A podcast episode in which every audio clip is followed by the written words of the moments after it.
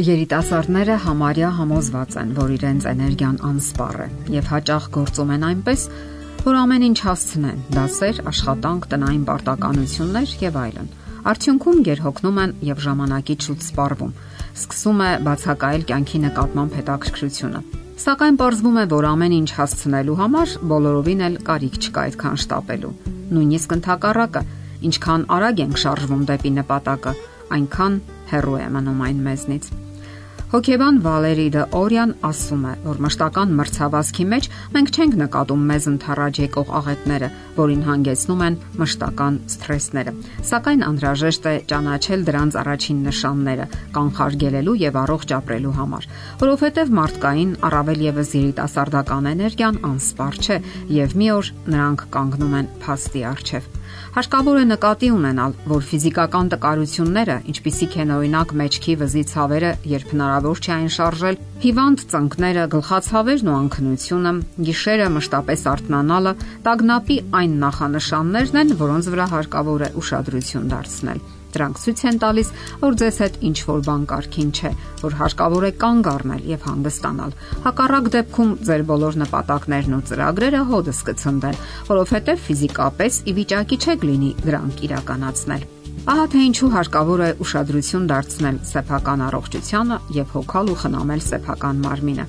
կարգավորել սեփական կյանքը, նորովի գնահատել այն։ Ուսումնասիրեք ձեր կյանքը։ Ինչպես եք ապրում։ Հուզվում եք ամեն առիթով։ Ծանր եք տանում վիրավորանքներն ու կենսական հարվածները։ Ժամանակակից կյանքը լի է սթրեսացին գործոններով։ Անընդհատ ինչ որտեղ եք շտապում, փորձելով համատեղել անձնական կյանքն ու մասնագիտական առաջընթացը կյանքի կատաղի ռիթմը մղում է ձեզ գտնելու ամենաարդյունավետ լուծումները, եւ այդ ամենը մեծ ջանքեր են խլում ձեզնից, նաեւ հոգնեցնում, որովհետեւ լինում են վեճեր, տարաձայնություններ աշխատանքային գործունեության մեջ, ընկերների, նույնիսկ հարազատների հետ։ Իսկ միգուցե անհանգստանում եք ամուսնության համար, որը չգիտես ինչու ուշանում է, եւ այդպես էլ չեք գտնում նրան, ով պետք է լինի ձեր կյանքի ուղեկիցը։ Անընդհատ որոնումները եւ երիտասարդական տարաձայնությունները նույնպես կարող են նյարդայնացնել։ Չէ որ դուք փորձում եք գտնել նրան, ով պետք է լինի իսկապես այն միակը, ով պետք է հասկանա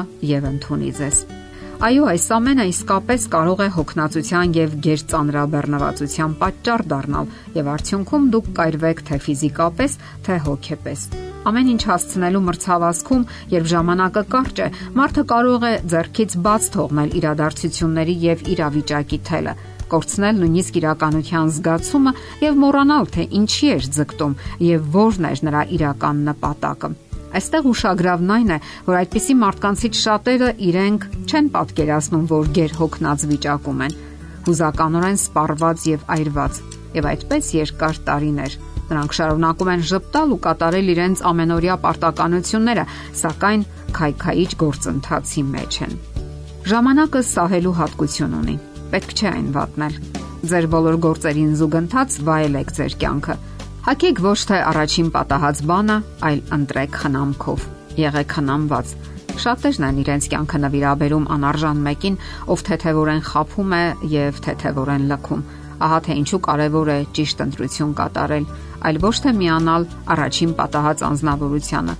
եւ ապա տանջվել սեփական ընտրության պատճառով։ Եթե նույնիսկ ձեր բոլոր անելիքները համատեղում եք երեխայի հետ, ապա դարձյալ հարկավոր է մտածել սեփական հանգստության մասին։ Այլապես երբեք չեք կարող դառնալ լավ մայր կամ էլ լավ մասնագետ։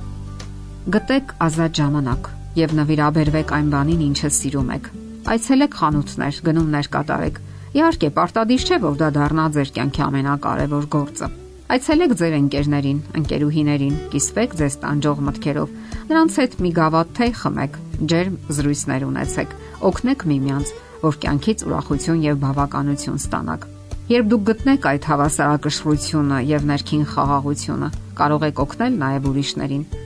Ինքներդ շփվեք դրական մարդկանց հետ, որpիսի նրանց ուրախությունը ձեզ էլ փոխանցվի Ունենաք սեր կյանքի հանդեպ, խթան ապրելու եւ միշտ դեպի լավը փոխելու իրավիճակն ու իրադարձությունները։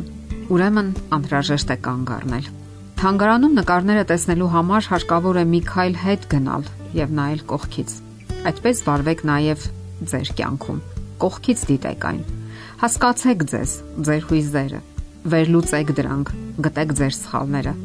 կարգավորեք ձեր կյանքը, կազմակերպեք այն ճիշտ։ Վերլուծեք ձեր հարաբերությունները բոլոր մարդկանց հետ, կարգավորեք օրվա գրաֆիկը, կարողացեք լսել ձեր մարմնի ձայնը։